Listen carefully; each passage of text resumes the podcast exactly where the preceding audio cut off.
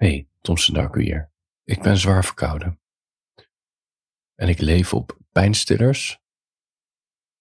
Maar ik ben er voor je, om je in slaap te praten. Want ja, hoe moet je zonder mij in slaap vallen? Dat kan natuurlijk niet. Ehm, en ik heb trouwens een sponsor. De sponsor ben ik zelf. Dit is echt zo cringe. Ik sponsor mezelf. Petjeaf.com slash. Word lid van mijn gemeenschap, mijn Darko ziel van Saturnus. En dan kan je wakker blijven met mij. Dus dan praat ik wat vaker en wat langer tegen je. Je krijgt toegang tot mijn teksten. Een paar keer in de week een tekstje in je inbox. Gewoon echt heel veel dingen. Steun mij en dan steun ik jouw ziel. Dat is de deal. Petjeaf.com slash Thompson Darko. Dankjewel Thompson dat je jezelf sponsort. Graag gedaan. Voor je gaat slapen. Ik denk dat dit het grootste probleem van het leven is. Namelijk hoe kun je eerlijk zijn zonder dat je wordt afgewezen. En dat, dat, dat is, weet je, het is sowieso niet zwart-wit, maar het is, een moeilijke, het is een moeilijke lijn. Want uiteindelijk willen mensen helemaal niet die authentieke jou. Laat me zeggen, jij die alles eerlijk zegt en doet en je uit hoe je je voelt. Want mensen hebben gewoon een verwachting. En ze willen dat je voldoet aan die verwachting. En die verwachting kan zijn dat je de perfecte dochter moet zijn. Of de goede vriendin. Of de stille, niet zo aanwezige student. Of, of, of de volgzame collega. Snap je? Die verwachtingen.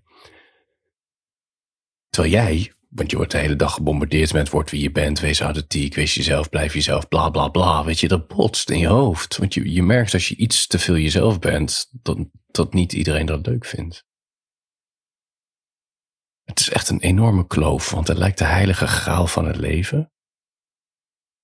Weet je, reclames, films, alles draait om wordt wie je bent, maar in de praktijk, ja, houden we elkaar toch meer in de, greep van, ja, het is allemaal wel leuk en aardig, maar ik wil ook niet te veel last van je hebben, snap je? En tegelijkertijd, we doen het ook bij anderen, ik bedoel, we zijn ook niet heilig. Zelfs als je denkt van wel, ik denk uiteindelijk dat we ook minder tolerant zijn dan we denken naar anderen. Maar daar moet ik het een andere keertje over hebben. Het ding met jezelf worden, jezelf zijn, wees authentiek, dat kan alleen als je omgeving deze versie van jou accepteert, snap je? Dus je moet mensen om je heen hebben die die gekke kant van jou of whatever accepteren. En dat is vaak bijna nooit het geval, want we cirkelen in heel veel uh, omgevingen rond. En ja, we passen ons toch elke keer aan aan die omgeving. En als je echt jezelf zou willen zijn, dan zou je uit al die omgevingen moeten stappen die je beperken zou je vriendschappen moeten verbreken, relaties moeten beëindigen, je familie moeten negeren. En ik zag dit terug, ik zat een Deense film te kijken uit 2021, die heet, nou, ik moet nog even aan mijn Deens werken, maar hij heet Hofnar Krakeren Vender, bij deze. Hij is vertaald als persona non grata. En daar keert de succesvolle schrijfster Irina terug naar het platteland. Beetje cliché, maar goed. Eh, voor een bruiloft. Uh, naar haar geboortedorp toe, van haar broer. En het eerste, de film begint met het eerste waar die moeder over begint. Ze heeft een heel kort geknipt kapsel. Echt heel aantrekkelijk vind ik dat. Maar de moeder kan het niet hebben. En die moeder blijft haar noemen bij haar geboortenaam. Terwijl zij zegt, nou ja, ik heb me naam veranderd. Ik heet nu Irina.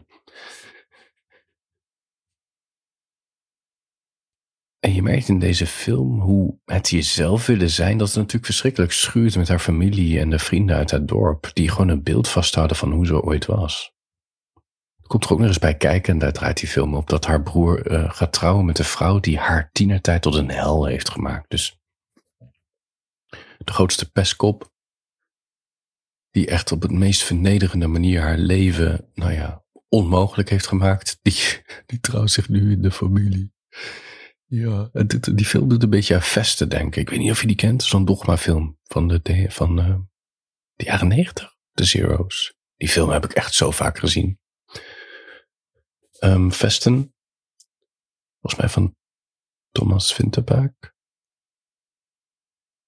Gaat over een uh, jubileum van een vader. Dus de hele familie komt bij een soort landhuis bij elkaar. Ze zitten allemaal in een soort U-vorm, weet je, met heel veel gasten. en dan neemt die broer zo het woord. Die tikt zo tegen zo'n glas aan. En die gaat dan vertellen hoe die vader hem heeft misbruikt in zijn jeugd. En de stilte aan tafel. Hoe iedereen het ontkent of het eigenlijk niet wil horen. Nou ja, weergeloze film. Het wordt steeds ongemakkelijker, die hele film. vesten. Maar goed, de, deze moderne vesten persona non grata deed er een beetje aan denken. En jou? Voor je gaat slapen. Ik denk dus dat heel veel mensen dromen, inclusief ik, van jezelf worden. Maar dat je nooit die volledige transformatie kan ondergaan, snap je? Dus dat je nooit helemaal echt die meest outgoing versie wordt die je graag wil zijn. En waarom zou je ook? Weet je, het is ook geen kritiekpunt. Ik bedoel, voel je er niet schuldig over. Want de realiteit is, je wilt helemaal niet breken met al je vrienden en je terugtrekken van je familie. Want ja, het blijft toch je familie, het blijft toch je vrienden waar je een soort gedeeld verleden mee hebt, snap je?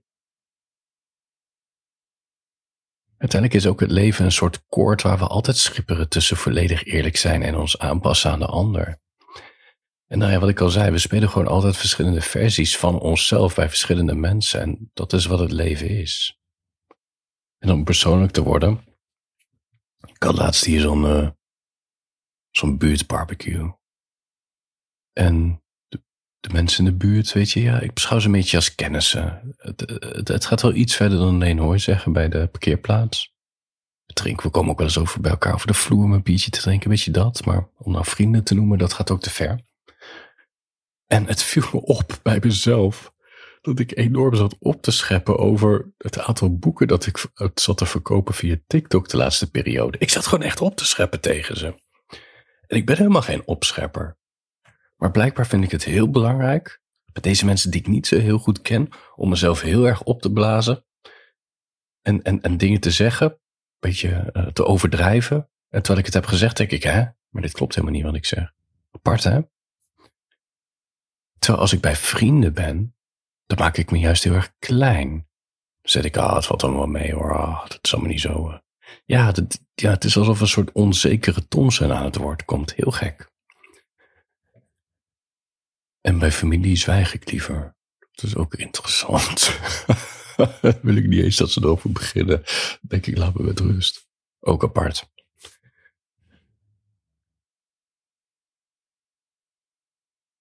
Maar dat doet me afvragen, wanneer ben ik nou wel het meest eerlijk? Als ik bij kennis overdrijf, bij vrienden kleiner maak, bij familie niks zeg. En dat is toch op papier. En dan bedoel ik niet zozeer de verhalen die ik schrijf. Nou, alhoewel, er zit ook vaak wel meer eerlijkheid in dan je denkt. Maar ik, ik, heb, ik houd de, de ik bullet journal. Ingewikkeld woord, maar een van de bullet journal methodes is rapid logging. Dat is dat je een soort logboek bijhoudt van je dag.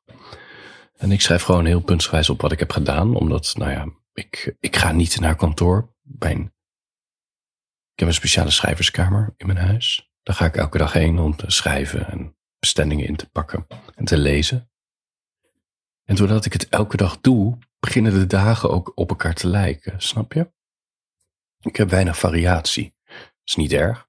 Het probleem is alleen, als je nu vraagt, wat heb ik drie weken geleden gedaan? Ja, het is allemaal één grote blur. Het kan ook, als ik iets vertel, dat het misschien vijf of zes weken geleden heeft plaatsgevonden, snap je?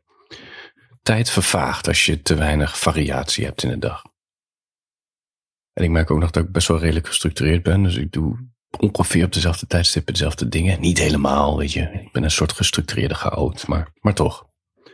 Dus ik hou een logboek bij, zodat ik elke keer kan terugkijken van, oh ja, dat heb ik gisteren gedaan. Oh ja, ik heb een halve dag aan mijn webshop zitten klooien. Oh ja, ik heb dat stuk zitten schrijven. Oh ja, dat was niet zo'n goede dag, snap je? Dat geeft wat houvast. En in die rapid logging, dus mijn logboek, uh, schrijf ik ook af en toe op wat ik voel.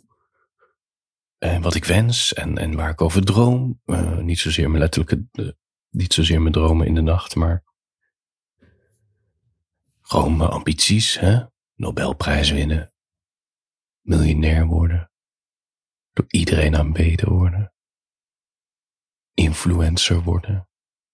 Sponsors die in de rij staan voor me. Mijn auto betalen. Mijn matras. Weet je, dat soort dingen. Nou, dat schrijf ik allemaal op. Zonder schaamte. Sorry, ik ben echt verkouden. Dus als je wat klikjes en zo hoort, ik erger me aan mijzelf. Maar ik probeer, ik probeer er een filtertje overheen te zetten dat je die klikjes wat minder hoort. Dat kan allemaal met die technologie. Oké, okay, en Het idee dat niemand bij deze woorden meekijkt, die, die ik opschrijf in, in, in, in mijn logboek, dat, dat geeft me een heel vrij gevoel. En toch zou ik direct mijn dagboek verbranden als iemand me zou vertellen dat mijn hart morgen stopt met kloppen.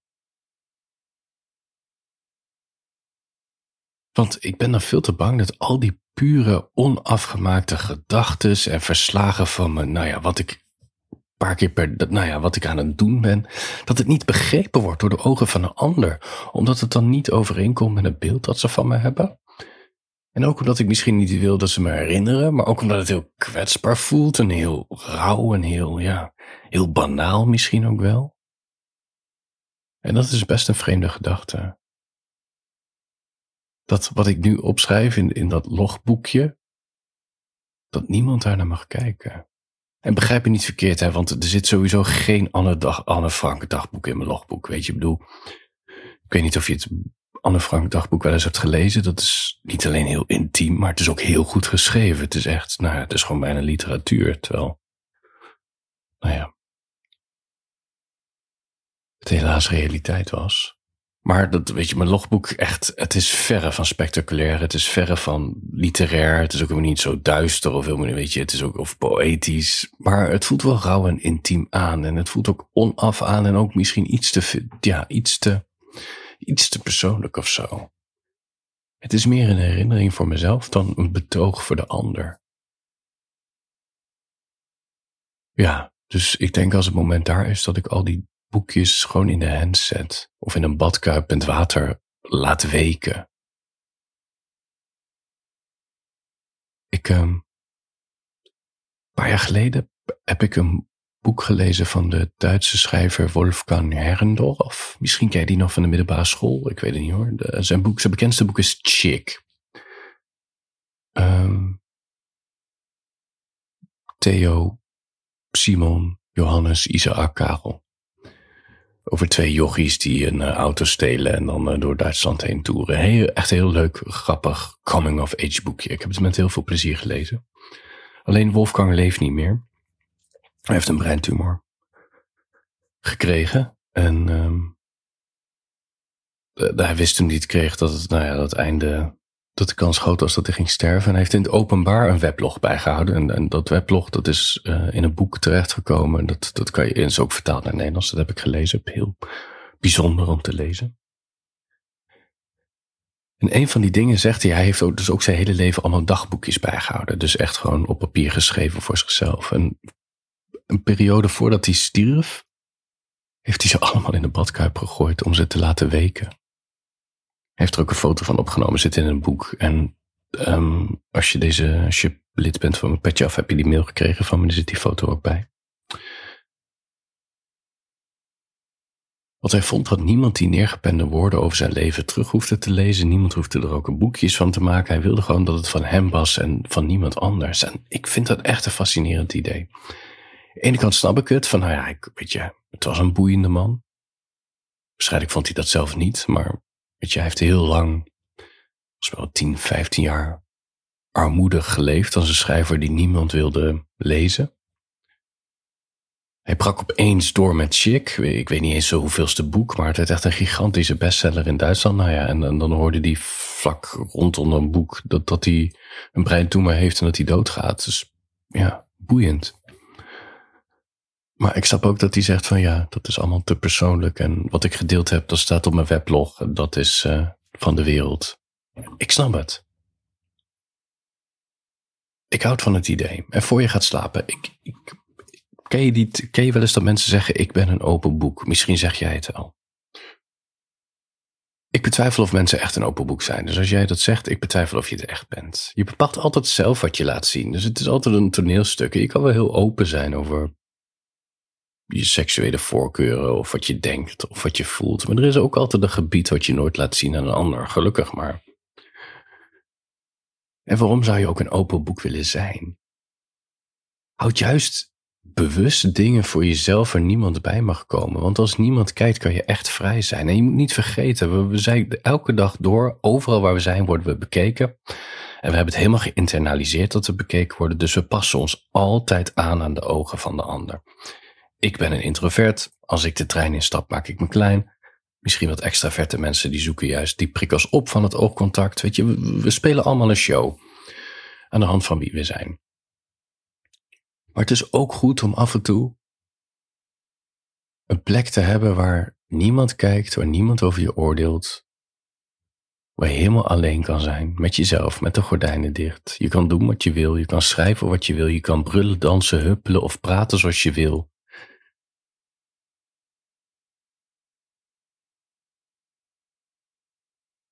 Ja, om een beetje tot jezelf te komen of zo. Want als een ander naar ons begint te kijken, veranderen we. Het idee alleen al, weet je, ik wil best wel bekennen dat ik ook af en toe gekke dansjes doe als de gordijnen dicht zijn. En laatst ontdekte ik dat er toch een spleet in de gordijnen zat. Ik kreeg gelijk een heel gek zelfbewustzijn dat de overburen via het raam mee konden kijken met mijn gekke dansjes. Snap je? je verandert meteen. Terwijl het helemaal niet. En toen ging ik zo. Ging ik ging dan zo precies door de gordijnen naar buiten, zodat ik het niet veranderde deur open, deur dicht. En dan ging ik zo in de tuin staan om te kijken of iemand het echt had kunnen zien. Waanzin! Viel dus tegen. Niemand kon het echt zien. Maar toch, ik werd helemaal gek van het idee dat mensen me zagen dansen. Gek hè? Nou ja, hoor ik uh, langer doorsnotteren hier. Je hoeft geen open boek te zijn voor iedereen die je ontmoet. En je hoeft ook niet volledig jezelf te zijn bij iedereen. Dat is eigenlijk wat ik zeg. De kunst is juist om genoeg verschillende mensen om je heen te verzamelen, bij wie je altijd een deel van jezelf kunt laten zien, zonder dat het voelt als een toneelstuk.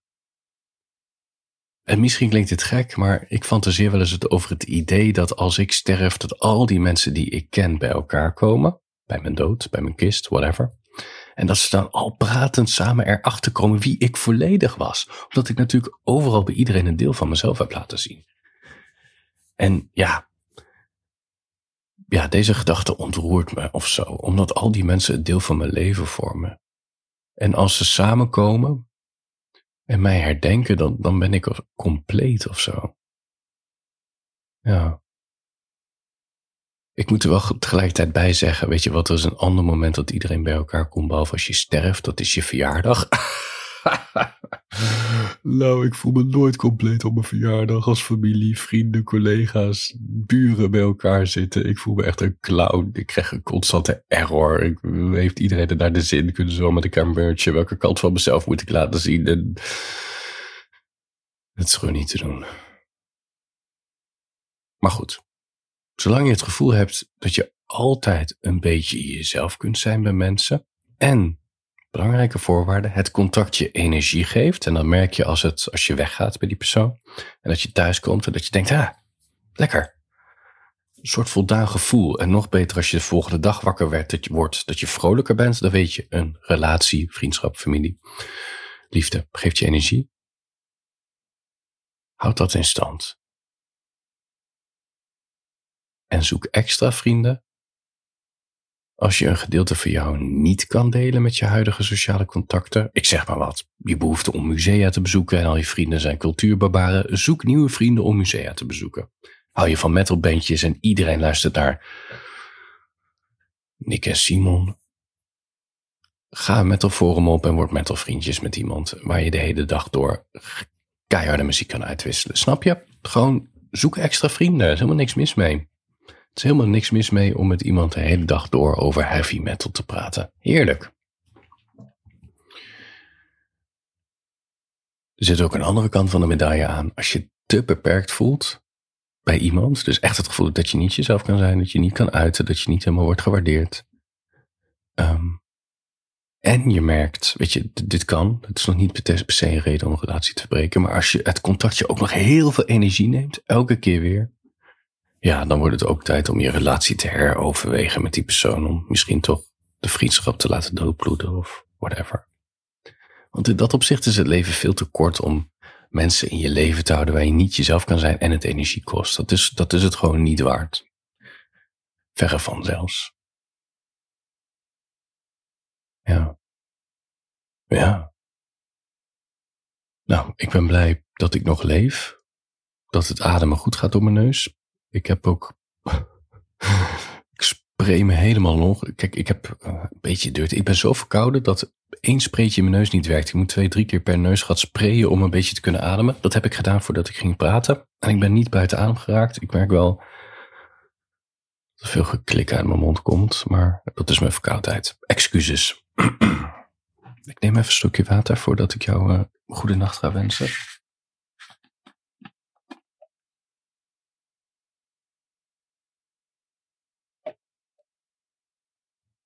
Beterschap naar mezelf. Vergeet niet op petjeaf.com Darko te kijken en lid te worden als je nog geen lid bent. Als je wel lid bent, later deze week kom ik nog met een weekupdate. Dan vertel ik onder andere over mijn avontuur van de week. Ik ben van de week aangereden. Ja, ook nog. Op weg naar de kruidvat om pillen en neusspray te halen, werd ik aangereden. Maar dat vertel ik in mijn weekupdate, exclusief voor mensen die lid zijn van Petje Af. Doe ik elke week verslag van mijn leven, mijn kunstenaarsbestaan, waar ik mee worstel, wat goed gaat, waar ik mee bezig ben. Het is mijn meest populaire aflevering, dus kan het jou ook aanraden. Als je in slaap bent gevallen, dan hoop ik dat je gaat dromen over een gieter. Om planten mee water te geven. Het geheime codewoord is gieter.